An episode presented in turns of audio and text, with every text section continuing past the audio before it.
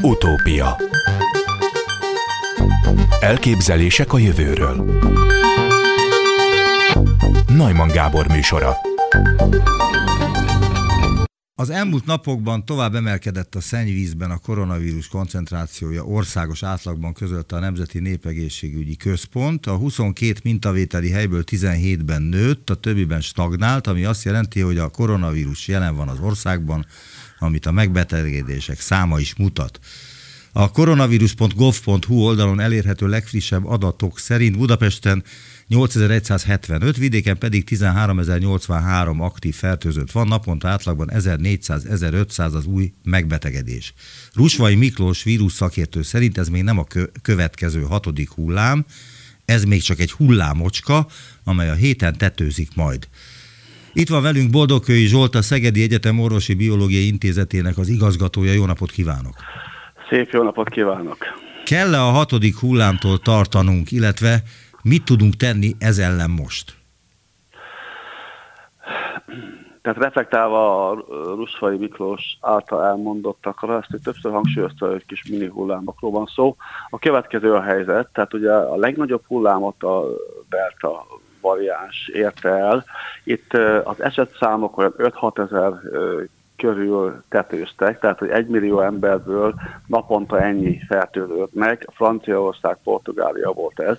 Most a jelen eset számokat tekintve, de Portugáliával indult ez a hatodik hullám, ott elég magas volt, 2500 felett is, most pedig a többi nyugati országba tetőzött, illetve lefelé tart, 2000-es szintet érték el, vagy esetleg ezret, attól, melyik országról beszélünk. Tehát az, hogy hullám mocska, azt azért módosítanám, tehát nem olyan nagy, mint a, mint a delta hullám, de azért, azért összemérhető vele.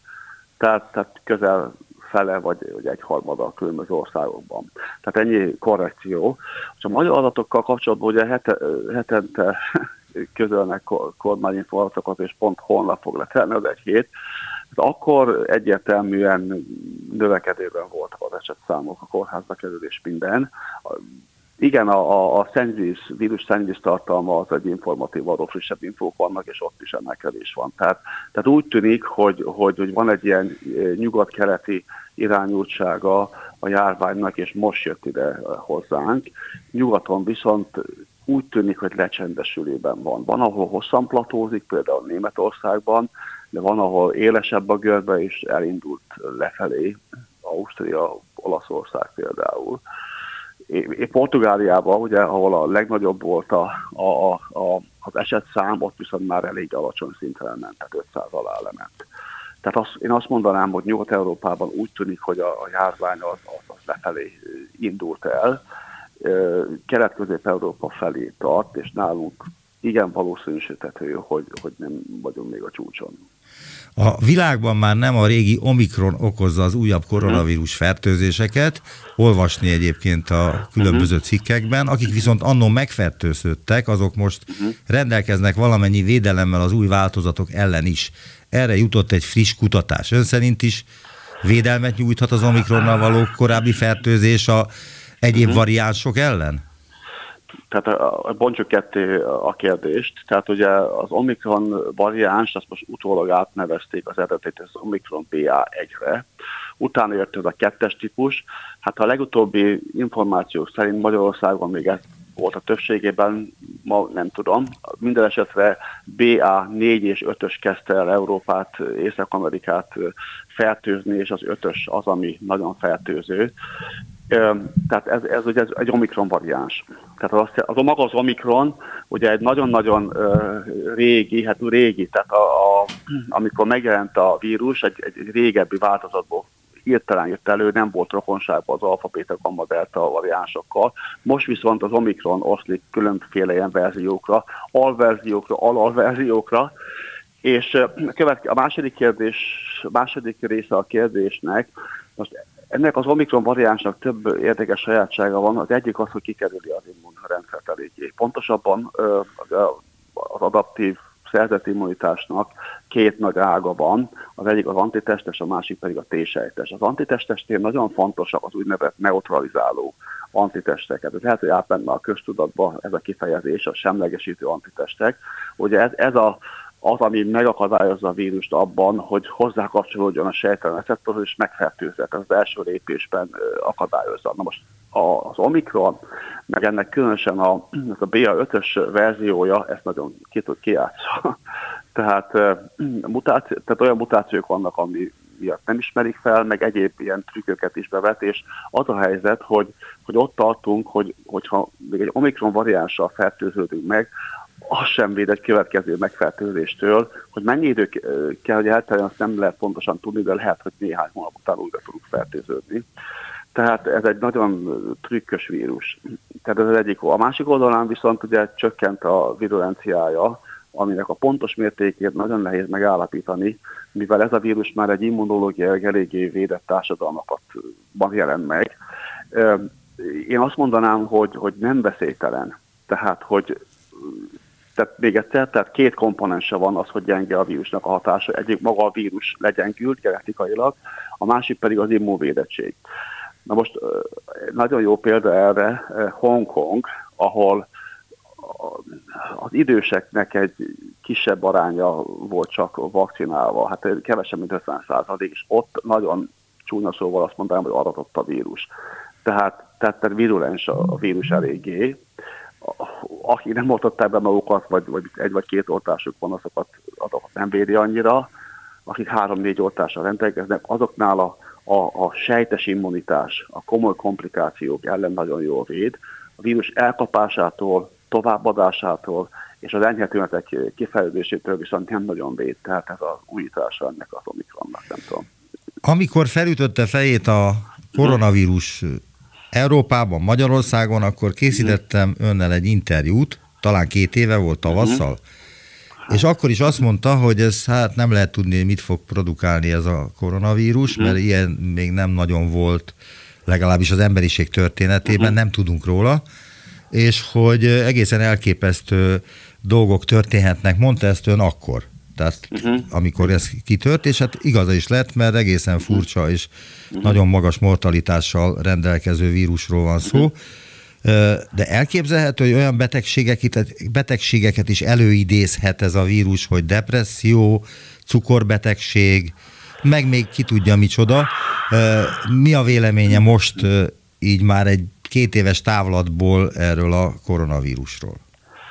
Hát a probléma igen, az, hogy egyre több hogy mondjam, betegségről derül ki, hogy a koronavírus okozhatja, vagy felelősített érdeket. Tehát ez egy, ez egy, ez egy komoly probléma.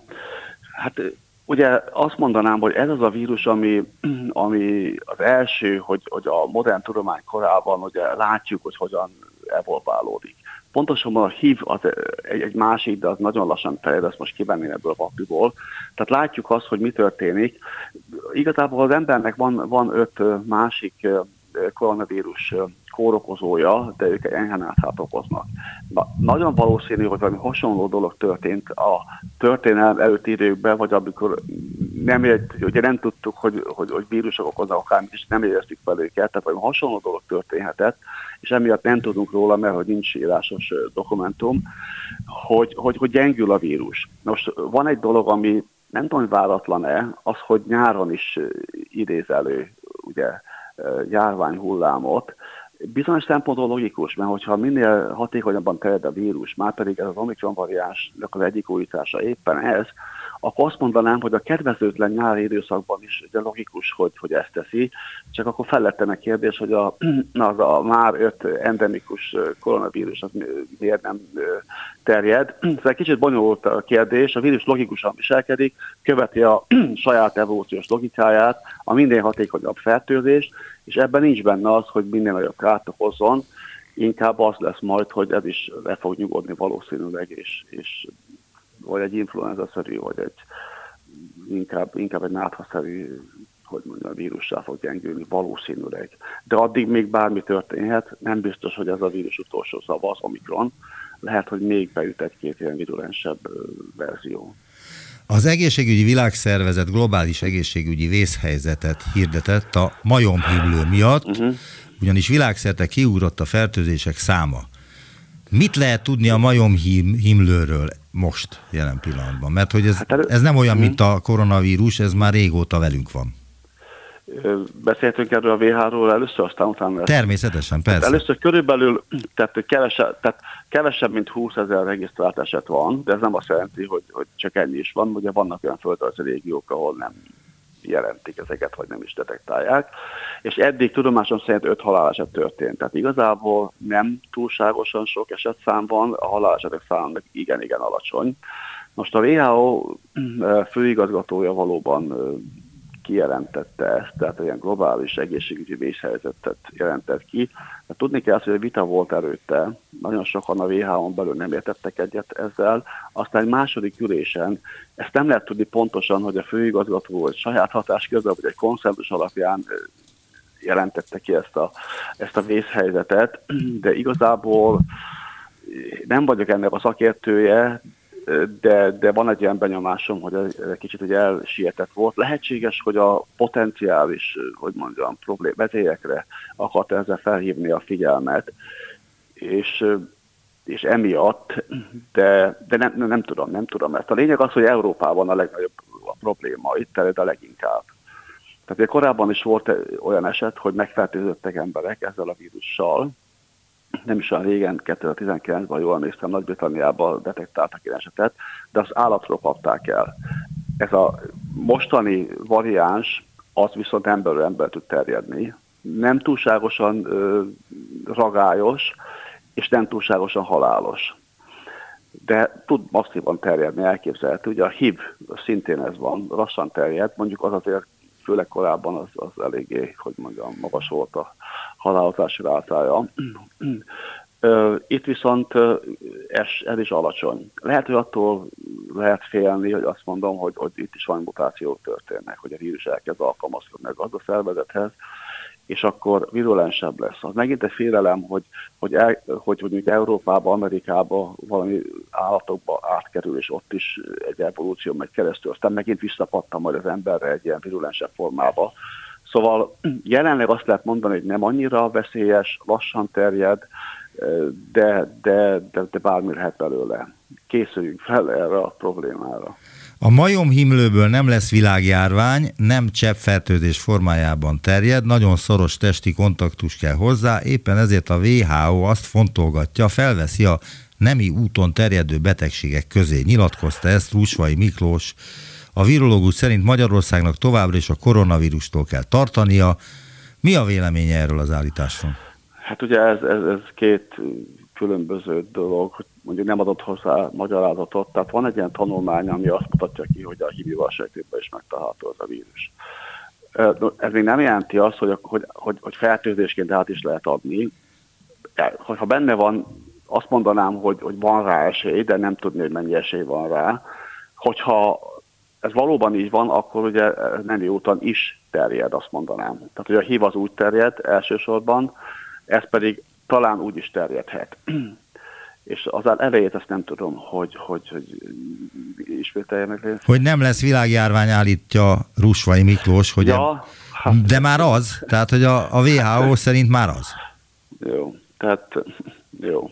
Tehát, tehát Jó, akkor egy másik kérdést teszek föl. Heteken belül megérkezhet Magyarországra a majomhill elleni védőoltás, ami a lakosság uh-huh. arányosan osztanak szét az uniós tagállamok között, így először a fertőzésben leginkább érintett országok kapják meg.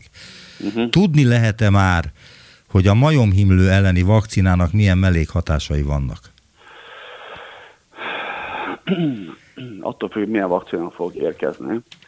Igazából nem tudom pontosan. Azt tudom, hogy, hogy azt figyelték meg, hogy amit ugye a fekete himlő ellen alkalmaztak, az egy ilyen élő vakcina volt, a tehén himlőnek egy egy tehén himlő vírus igazából, annak voltak viszonylag mellékhatásai. Na jó, de a fekete himlő ugye az nagyon súlyos, hogy mondjam, problémát okozott, annak a mortalitási rátája, halálozási rátája igen, igen magas volt. Tehát, hogyha elkapta az ember, akkor több esélye volt, hogy nem éri túl, mint hogy igen. De itt történtek újabb fejlesztések is, a tudomásom szerint nem csak ilyen élő vakcinával, hanem, hanem inaktivált vakcinával is.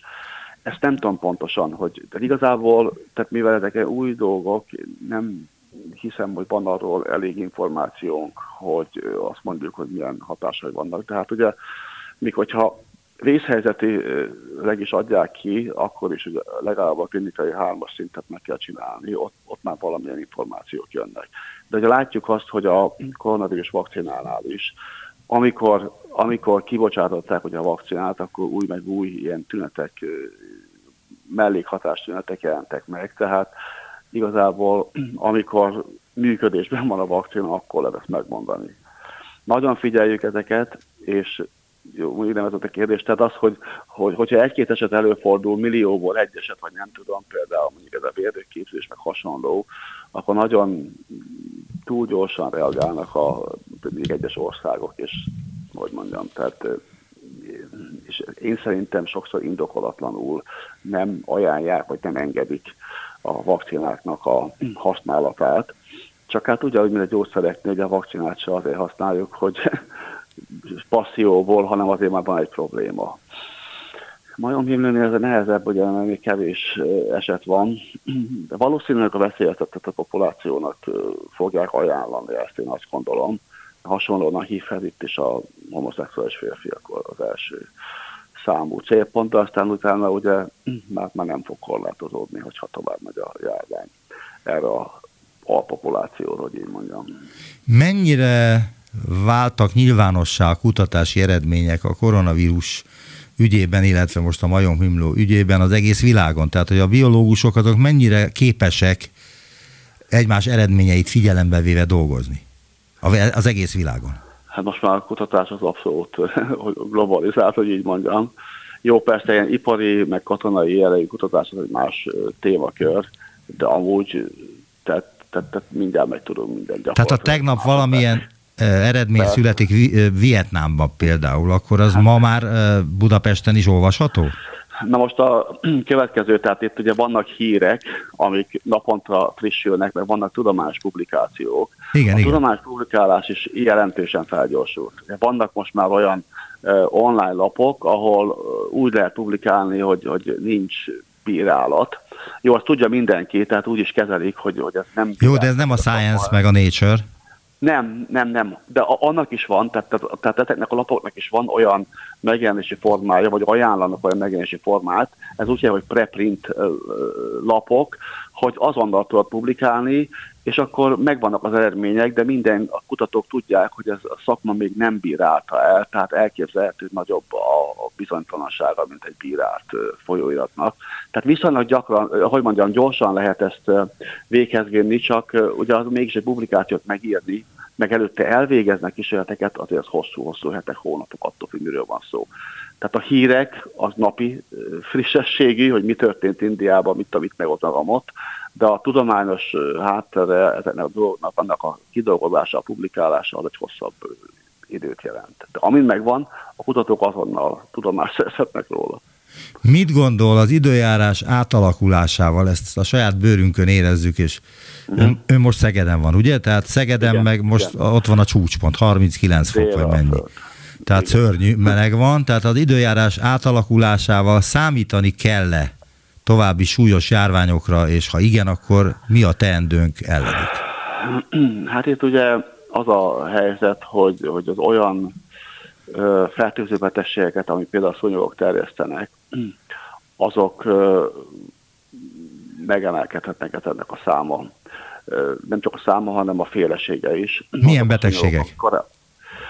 Hát több ilyen egzotikus betegség. Tehát álomkorról tudjuk, hogy a szúnyogok, vagy valami... Trópusi, trópusi szubtrópusi betegségek, elsősorban vírusok, de baktériumok is. Tehát maga a szúnyog ugye megjelenik, és hozza magával a, a, a vírust.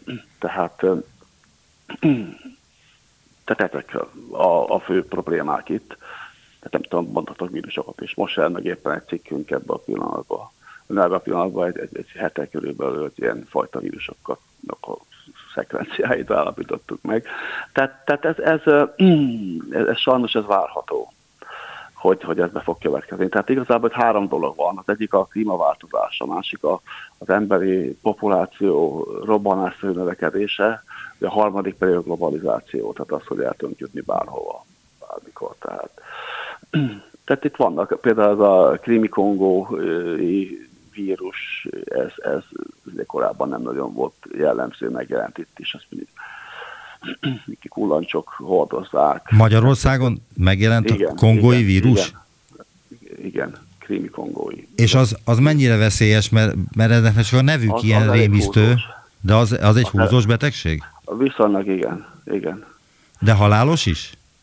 Igen, lehet halálos, abszolút. abszolút. És ezt szúnyogok terjesztik? ezt kullancs. Kullancs terjeszti, igen és tehát, tehát másfajta betegség is megjelenhetnek. Tehát van ilyen, ugye, amit afrikai túra alkalmából szerezte az ember, és akkor behozza, de utána ez hamar tudják detektálni, izolálni, és az nem probléma. Tehát ezek az ebola, meg a marburg, meg nem tudom milyen vírusok. Ezektől is tartanak, hogy valahogy, valahogy át, hogy mondjam, alakul, és akkor probléma lehet belőle, de egyelőre még ezekkel nem volt. Afrikán kívül nem volt nagyon gond. Nagyon szépen köszönöm az interjút. Boldogkői volt a Szegedi Egyetem Orvosi Biológiai Intézetének az igazgatója volt az utópiában. Viszont hallásra. Viszont hallásra. Utópia a földtörténet egyik legmarkánsabb ugrásszerű éghajlatváltozását, az Antarktisz eljegesedésével járó ősi globális lehűlés dinamikáját modellezték újszerű módon laboratóriumi kísérletek és számítógépes szimulációk együttes alkalmazásával magyar fizikusok és geológusok. A Scientific Reportsban megjelent eredményeik új megvilágításba helyezhetik a 34 millió évvel ezelőtt bekövetkezett, az élővilágot is sújtó ősi klimatikus esemény okokozati összefüggéseit, és ezzel hozzájárulhatnak a napjainkban zajló gyors klímaváltozás dinamikájának megértéséhez is. Üdvözlöm az utópiában Vince Miklós fizikust, az MTA ELTE elméleti fizikai kutatócsoport tudományos főmunkatársát. Jó napot kívánok! Jó napot kívánok, én is üdvözlöm a hallgatókat is. Mi történt 34 millió évvel ezelőtt? Sajnos már nem emlékszem rá. Sajnos igazából senki nem emlékszik, és pont ezzel a probléma, mert az biztos, hogy sok minden történt nagyjából egy időben, ahol ezt az egy időben, ezt úgy kell érteni, hogy a geológiai léptékben nagyjából, tehát olyan nagyjából egy 1-2 millió éves idő írtervalumon belül rengeteg minden történt. Amit tudunk, az az, hogy például a leletanyagból látszik, hogy volt egy elég komoly kihalási esemény, ez nem olyan komoly, mint mondjuk ami 30 millió évvel az előtt történt, amikor a dinoszauruszok nagy része kihalt, de azért egy komoly kihalási esemény volt, ami, és éppen ez alapján definiálják egyébként ezt a korszakhatárt, ami akkor volt, hogy az eocén és az oligocén korszakok közötti határ volt akkor. Na de miért haltak ki ezek az állatok? Hát, egyik dolog, ami akkor történt, az az volt, amit szintén látunk, hogy ekkoriban jegesedett el az Antarktisz. Tehát földtudós barátaink azt mondják, hogy mi tulajdonképpen jégkorszakban élünk mindig, amikor azt mondhatjuk, hogy a Földön vannak állandóan fagyott területek. Elnézést, Ilyen jelenleg is egy jégkorszakban élünk. Elnézést, hogy itt a szavába vágok, ugye, hogy azt nevezzük jégkorszaknak, mármint hogy az emberiség, amikor Igen. a két sarkkörnek van jégsapkája, nem? Így van, így van. Hát több definíció is van, tehát klasszikus értelemben nem ezt szoktuk gondolni, amikor jégkorszakra gondolunk, mert most például a klasszikus szóhasználat értelmében nem élünk olyan értelemben jégkorszakban, mint ahogy mondjuk 60 ezer évvel ezelőtt jégkorszakban éltünk, de, de ilyen általános föltani értelemben valóban jégkorszakban élünk, hiszen mind a két sarkon van jég, jelenleg, és, és igen, tehát ez egy korrekt definíció, viszont 34 millió évvel ezelőtt, vagy 35 millió évvel ezelőtt meg nem ez volt a helyzet. Tehát az Antarktisz akkor jegesedett el, pedig egyébként az Antarktisz már a Kréta korszakban, tehát 30 millió évvel korábban, a dinoszauruszok korában már nagyjából ott volt, ahol most. Tehát nem az volt, hogy a kontinensek vándorlása miatt amik egyébként persze történnek ilyesmit, abszolút, hogy a kontinensek mozognak, de már a sarki pozícióját elérte az Antarktisz már régen, de ennek ellenére azt mutatja a leletanyag, hogy ott egy, egy burjánzó őserdő beszélhetünk, és, és rengeteg fajról, és aztán valami nagyon durván megváltozott, és ráadásul ugyanekkor az is történt, hogy a széndiokszid szint a légkörben elkezdett eléggé markánsan csökkenni, és ráadásul, hogy tovább komplikálja a helyzetet, arra is van bizonyíték, hogy még becsapódások is történtek, tehát aszteroidák, nem, még egyszer nem olyan durvák, mint ami a dinoszauruszok kihalását okozó Chicxulub esemény volt 65 millió éve, de érdekes, hogy 34 millió évvel ezelőtt is vannak adatok, amik azt mutatják, hogy bizony voltak becsapódások is. Tehát ennyi minden történt egyszerre. Eljegesedő Antarktisz, kihalási esemény, csökkenő széndiokszid és becsapódások. És ez még hozzájön az is, hogy akkor történt az a kéreg mozgással kapcsolatos dolog is, hogy a dél-amerikai kontinens és az Antarktisz szétvált, mert addig a kettőt összekötötte egy földhíd, de, de akkor a két kontinens tulajdonképpen fokozatosan eltávolodott egymástól, és kinyílt az a dolog, amit ma úgy hívunk, hogy Drake átjáró, ami tehát az Antarktiszi félsziget és a dél-amerikai kontinens csücske közötti rész, ahol ugye annak idején ez a Francis Drake nevű kalóz meg tudta kerülni a Földet. Tehát ugye, és, és egyébként ez az egyetlen hely a jelenlegi kontinens elrendeződésben, ahol egy óceáni áramlás körbe tudja áramlani a bolygót. Tehát, e, ahol e, e, elnézést, de ezt a következőképpen írják le abban a cikkben, amit nekem elküldött. Azt vizsgálják több kutatóintézettel közösen, hogy mennyiben kielégítő az úgynevezett eocén, oligocén átmenet évtizedek óta széles körben elterjedt tankönyvekben is szereplő magyarázata. És itt jön az, amit ön most mondott, ez szerint a Dél-Amerikát az Antarktiszi félszigettel összekötő földhíd szétválása, azaz a Drake átjáró kinyílása játszott kulcs szerepet az esemény történetében, ezzel ugyanis létrejött bolygónk legnagyobb vízhozamú óceáni áramlata, az Antarktisz körbefutó cirkumpoláris áramlás. A hagyományos értelmezés szerint e vízkörzés megindulásával a déli sarkvidék elszigetelődött a trópusok melegét szállító óceáni áramlatoktól, ezáltal a déli óceán és az Antarktisz hőmérséklete csökkenni kezdett, míg végül megjelent az állandó jégtakaró. De milyen volt a klíma akkor a Földön, és azt honnan lehet tudni, hogy akkor alakult ki a jégsapka a sarkokon? Hát igen, tehát eh, ugye lépésről lépésre haladnék, ugye ez, amit most hallhattunk, igen, valóban ez az, amire azt írtam a felolvasott szövegben, hogy, hogy ez egy eh, hogy ez valóban ez a klasszikus értelmezés. Tehát a klasszikus értelmezés valóban az, hogy amikor kinyílt ez a drékátjáró, akkor ezzel elszigetelődött az Antarktisz. És ugye ez az, amit hát amit mi el, el, kiegészítettünk ebben a kutatásban, mert hát ugye úgy tűnik, hogy, hogy, hogy nem egyértelműen csak ennyiről szólt a történet, hanem ugye a poén az az, hogy ehhez bizony kellett a széndiokszid is, de ha már a kérdés felmerült, az egy nagyon jó kérdés, hogy honnan lehet tudni például azt, hogy milyen volt a klíma 34-35 millió évvel ezelőtt. Igen. Hát ehhez a paleoklimatológusokat kell elsősorban megkérdezni, tehát mi dolgoztunk velük együtt, és szerencsére az eltén is kitűnő kutatócsoport működik, eh, ami ilyen témakörökkel is foglalkozik. Eh, Pálfi, eh, Pálfi József és, és Nyerges Annita a társszerzők közül, akik innen ebből az irányból közelítettek.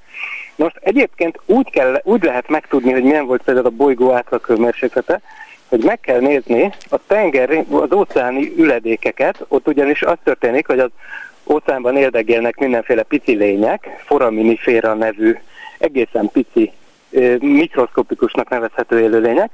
Ugye ezek a víz felszínthez közel éldegélnek, tehát abban a mélységben, ahova lejut a fény, nyilván, de aztán utána amikor meghalnak, akkor az ő vázuk az lesüllyed a tenger aljára, és akkor ott szépen lerakódik, és réteg, réteg, rétegekbe rendeződve, így tulajdonképpen a tengerajzaton megtalálható. Tehát minél mélyebbre fúr az ember a tengerajzaton, annál, mélye, annál régebbi korokban meghalt foraminiféráknak a kövületeit találja meg. Na most, amíg élnek ezek a lények, addig természetesen beépítik a héjukba az oxigén atomokat, amiket találnak maguk körül a vízben természetesen. Na most az oxigén atomoknak az izotóp aránya, tehát az, hogy milyen arányban találkozunk ott az oxigénnek a 16-os és a 18-as atomsúlyú változatával, ennek a kettőnek az elő egymáshoz képesti aránya arról kiderült, hogy az nagyon érzékeny a hőmérsékletre. Tehát egészen egyszerűen, hogyha a bolygó melegebb, vagy ha hidegebb, akkor más-más arányban vannak jelen egymáshoz képest ezek az izotópok.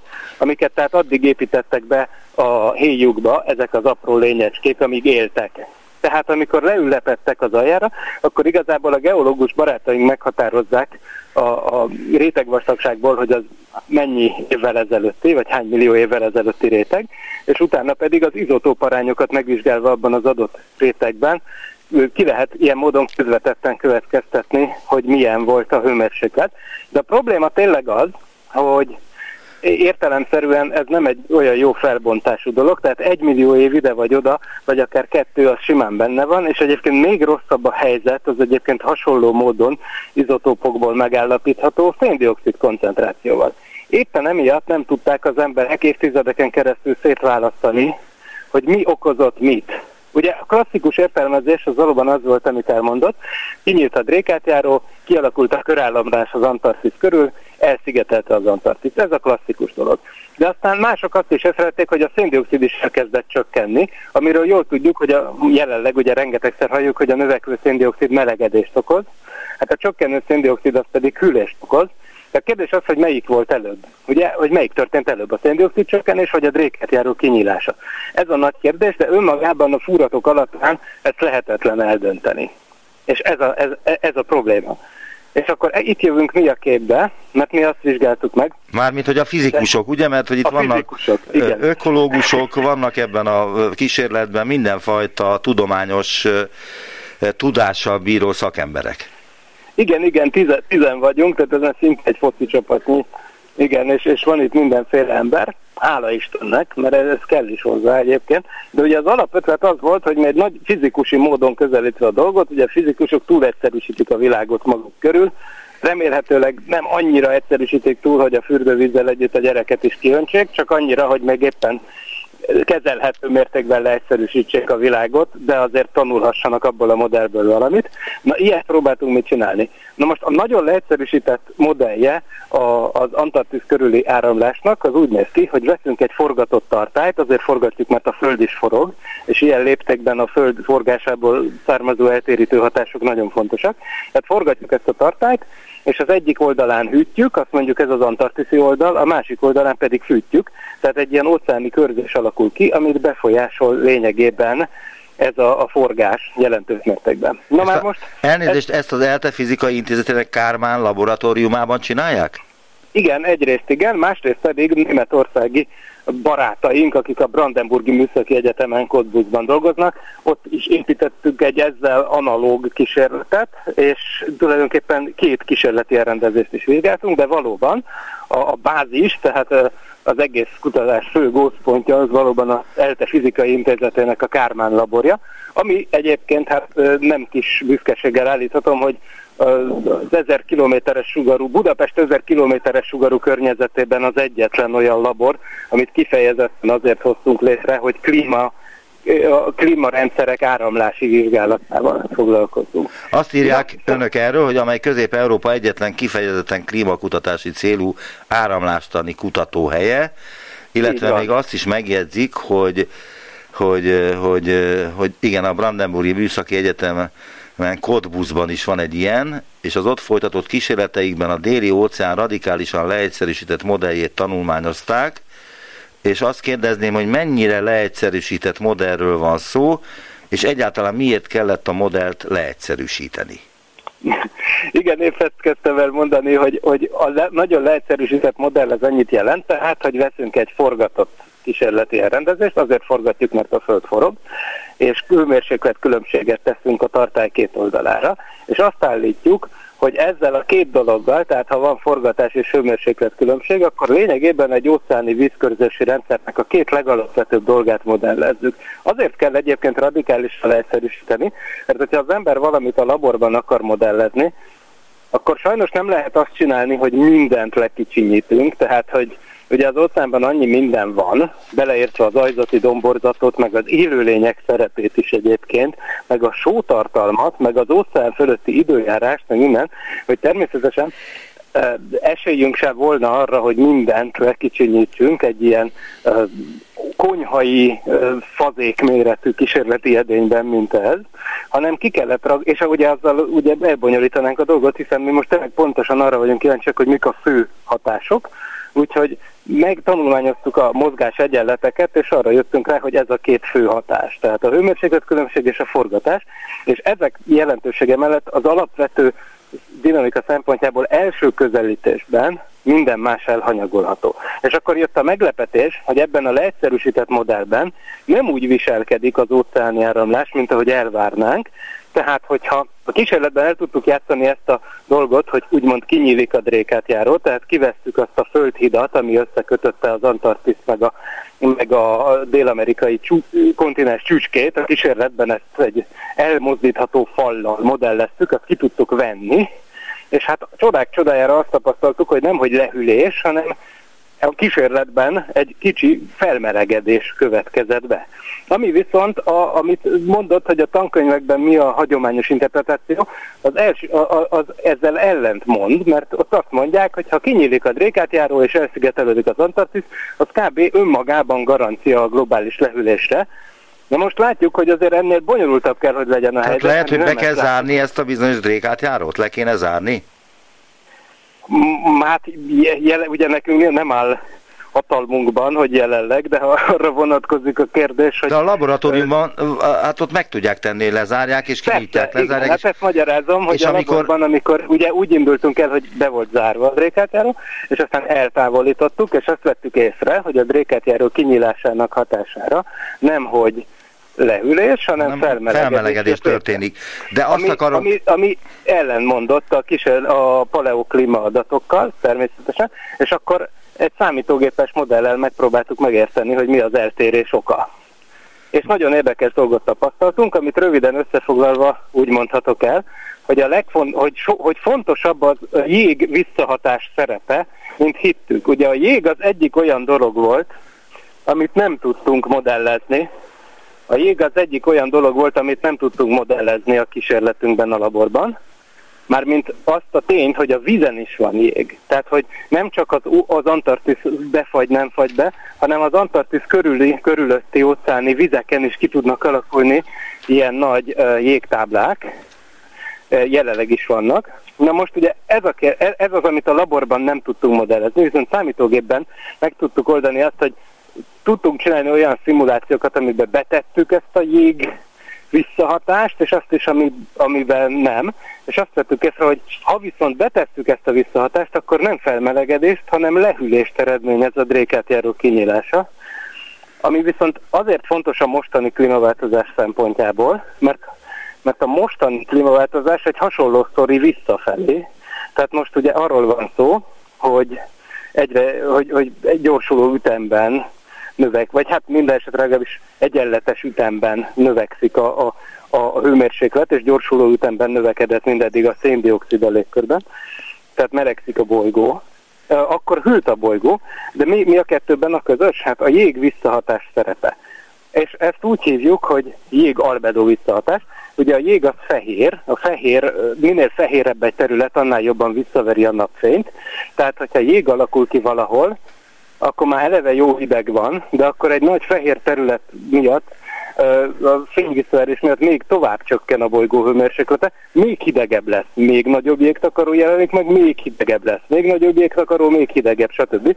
Tehát ez egy pozitív visszacsatolás. de hát most a- pont az ellenkezője történik. És most így van, és most meg pont az ellenkező történik, ami ugyanígy működik, tehát matematikailag a kettő ugyanaz, csak visszafelé kell meg, csak az idő irányát. Igen, kell csak meg van egy apró probléma, hogy nem tudunk mit kezdeni azzal, mert nem tudjuk lefagyasztani újra a glecsereket, meg az északi sarkot, meg a déli sarkot.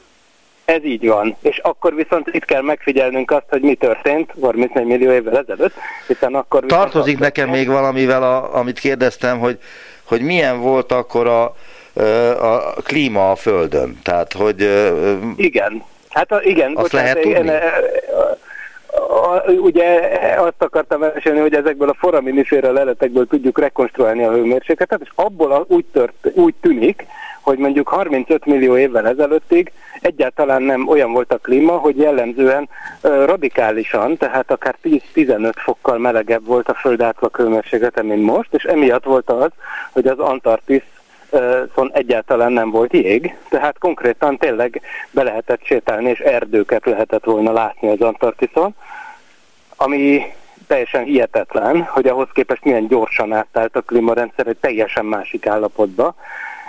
Szóval, szóval amit, amit, amit mondott a bevezetőben, az teljesen megállja a helyét, hogy a földtörténet egyik legradikálisabb és leggyorsabb klímaváltozása zajlott le akkor. Úgyhogy mindenképpen nagyon fontos iskola példa ennek a megértése, hogy, hogy vajon ez hogyan történhetett. Hadd kérdezzem meg azt, de lehet, hogy teljesen laikus kérdés, mert nem lehet megcsinálni. Hogyha most elméleti úton le, lezárnánk a Drék átjárót, tehát a Dél-Amerikát összekötnénk az Antarktisszal valamilyen módon, tudjuk, hogy nem lehet megcsinálni, mert, mert csak, de akkor feltehetőleg akkor visszahűlne, vagy mi történne a Földnek a hőmérsékletével? Nem, hát ugye pont, hogy akkor még ugye az a, a, a mostani helyzetnél melegebb volt, tehát a békátjáró kinyílása az hűlést eredményezett, tehát hogyha... Tehát akkor most még melegebb lenne. Nem javasolnám senkinek, mert akkor még melegebb lenne. De akkor mert hogyan lehetne valóban... a békátjárót arra használni, amire voltak éppen kialakult, hogy leütötte a föld légkörét elég nagy mértékben? Igen. Igen, igen, hát, hát ha nagyon, ha, ha nagyon e, e, ebbe gondolkozunk, hát akkor sajnos akkor kénytelenek lennénk ott Chilének és Dél-Amerikának a csücskét még, még hátrébb húzni. Tehát lerobbantani a tengerbe. Tulajdonképpen lerobbantani, tulajdonképpen, hogyha úgy gondoljuk, hogy fél Argentinát. Meg Chile is örülne neki. Csillét is ugye feláldozzuk az ügy érdekében, akkor ugye szélesíteni lehetne a drékátjárót, és láttam olyan szimulációt, mondom szigorúan csak számítógépes szimuláció, amiben eljátszottak ehhez hasonló domborzattal, és akkor tényleg az történik, hogy hogy, hogy azzal lehet egy kicsit hűteni, de azért bízom benne, hogy azért a geomérnök kutatók azok ennél valami jobb, egyszerűbb megoldással jönnek elő, hogy hogyan lehetne mérsékelni a klímaváltozást, és nem kell e, ilyesmit végrehajtanunk. Most van a, föl, most van a Föld talán egyik eddigi legfontosabb tanácskozás a Glasgow-ban, a klímakonferencia, ahol szinte minden államfő, miniszterelnök részt vesz valamilyen módon. Állítólag semmilyen fontos ügyben nem történt előrelépés, kivéve, hogy abban megállapodtak, de hát az a megállapodás is eléggé gyenge talpakon áll, hogy beszüntetik az erdőírtást a Földön. Mi a vélemény erről a klímakonferenciáról, ami Glasgow-ban zajlik? Hát a véleményem az, az olyan, olyannyira nem túl rózsás, hogy hogy természetesen ez egy, ahogy ez ilyen politikai nemzetközi döntéseknél lenni szokott, itt a tudomány csak az egyik oldala a dolognak, és én itt, itt tudományos véleményt tudok megfogalmazni, mert hát a magánemberi véleményem az, az talán annyira nem érdekel senkit, de tudományos szempontból a, az a fontos, és ugye erről győzködik egymást a politikusok, hogy úgy tűnik, úgy tűnik, hogy, hogy van egy másfél foknyi felmelegedés, ami még megengedhető, idézőjel bezárva, olyan értelemben, hogy nagyjából úgy viselkedik a klímarendszer, hogyha az átlaghőmérséklet másfél fokot nő, mint most. Viszont, hogyha azt átlépjük mondjuk 2050-re, tehát ennél nagyobb mértékű felmelegedés jön elő, akkor viszont egy másmilyen jellegű állapotba kerülhet a klímarendszer, ami kicsit hasonlít ahhoz a brutális átmenethez, amiről beszélgettünk eddig 34 millió évvel ezelőtt. Tehát a politikusoknak arról kellene elsősorban egymást meggyőzni, ami persze egy nagyon nehéz kérdés, vagyis hát ne, borzasztó persze, mert hát ezek komoly gazdasági vetületek járó döntések, de hogy valahogy, hogyha elhisszük azt, amit a klímamodellek mondanak, akkor ne, nem ártana, hogyha ezt a, a széndiokszid kibocsátáson keresztül valahogy meg tudnánk oldani, hogy ne lépjük át azt a bűvös határt. Most kicsit úgy gondolhatjuk, hogy ehhez késő van már. De most annyit szeretnék csak még a hallgatóknak elmondani, hogy a másfél fok az nem tűnik soknak, tehát ugye ennél sokkal nagyobbat ingadozik évről évre, vagy akár napról napra a hőmérséklet, és felmerülhet a kérdés, hogy ez miért olyan érdekes. Ugye ezt akarom mondani, hogy a, a kísérleteink is azt mutatják, hogy igazából nem az a lény, érdekes, hogy, hogy a klímaváltozás során melegszik az átlaghőmérséklet, hanem az a legfontosabb számunkra, akik itt élünk a mérsékelt égövben, hogy mindeközben a sarkok gyorsan melegednek, de az egyenlítő meg szinte nem melegszik, tehát a hőmérséklet különbség változik a sarkvidék és az egyenlítő között, és ha változik a sarkvidék és egyenlítő közti hőmérséklet különbség, akkor nagyon változik az időjárás. Tehát az időjárás jellege lesz teljesen más akkor, hogyha tovább csökken ez a különbség a sarkvidék és az egyenlítő között. Végeztek olyan modellkísérleteket önök is akár, hogy hogy hát ezt a fölmelegedést adottnak adják, és, és szabadjára engedik azt a laboratóriumban azt a szerkezetet, ami ezt mutatja, akkor tehát Igen, me- meddig pontosan. jutunk, milyen melegre lesz a Föld légköre, illetve a felmelegedés az milyen drasztikus lesz, hogyha a másfél fokon túl is melegszik a Föld? Hát e, na ez, ez, ez olyan dolog, ez a kérdés, amit viszont csak számítógéppel lehet megvizsgálni, tehát a labori kísérletünkben nem ezt vizsgáltuk, hanem azt, hogy, hogy erre hogy reagál, a, a, mit mondtam, az a pici időjárás a modellben. Igen. Az pedig úgy, úgy reagál, hogy egyre előrejelezhetetlenebbé válik. A, az, az a kérdés, hogy vajon, hogyha ugyanúgy folytatjuk, mintha mi se történt volna, igen, igen, hát akkor, akkor, akkor nagyon magas szinten stabilizálódna a hőmérséklet. Az mit jelent a magas szinten? Olyan, olyan durván, hogy az teljesen irre, irrealisztikus, tehát azt kell, hogy mondjam, hogy kijönnek a dolgok a modellből, de most én szándékosan nem mondok számokat, Miért mert a modellt arra a világra kalibrálják, amiben most élünk, úgyhogy abból ugye a modellt be kell valahogy állítani, és mi alapján állítunk be egy számítógépes modell? Hát azok alapján, az időszakok alapján, amikről van már némi tapasztalatunk. Most mi nagyon szabadjára engedjük a széndiokszidot, mondjuk azt mondjuk, hogy érje el azt a szintet, azt a nagyjából a mostaninak ö, több mint háromszor háromszor ilyen magas volt a széndiokszid szint, mondjuk a Kréta korszakban, amikor a dinoszauruszok éltek, a balzsamos hőmérséklet uralkodott az egész bolygón, tehát hogy egyáltalán nem volt sehol hó, ilyenek, tehát ilyeneket el lehet érni. De hány fok Viszont, volt? Fú, szerintem a, ugye mostaninál ugye nagyjából egy 20 fokkal magasabb átlag hőmérsékletet telnek. Igen, ezt nehéz pontosan tudni, én úgy tudom, de ilyesmi. Hát ilyesmi ez tökéletesen de még ahhoz vezet, hogy kihal az emberiség. Tehát a 20 fok az azt persze, jelenti, hogy, persze, persze. hogy a állatok meghalnak, nem lehet termelni, mezőgazdasági hát igen, termelés az megszűnik. az átalakul, így van. Tehát ugye nem a bolygót, hanem az életet kell féltenünk itt, sőt az emberi életet elsősorban olyan értelemben, hogy nyilván a bolygó a jelenleginél sokkal durvább klímaváltozásokat is átélt, tehát a bolygó az köszöni szépen jól van, élőlények is voltak, és feltehetőleg lesznek is rajta, csak hát hogy csak azok milyen élőlények lesznek. Baktériumok, vírusok, meg ilyesmik. Hát nem feltétlenül, hát egy, tehát az élet utat tör, hogy a Jurassic Parkot idézzük, ugye természetesen, tehát az biztos, hogy valamiféle fejlett élőlények is ki tudnak alakulni, hiszen még egyszer a dinoszauruszok korában a mostaninál lényegesen magasabb volt a széndiokszid koncentráció is, meg a hőmérséklet is. Csak hát ugye ez, ez minket kevéssé vigasztal, azt hiszem. Nagyon szépen köszönöm az interjút. Vince Miklós fizikus, az MTA ELTE elméleti fizikai kutatócsoport tudományos főmunkatársa volt az utópiában. Köszönöm, köszönöm szépen az interjút, viszont hallásra. Viszont hallásra.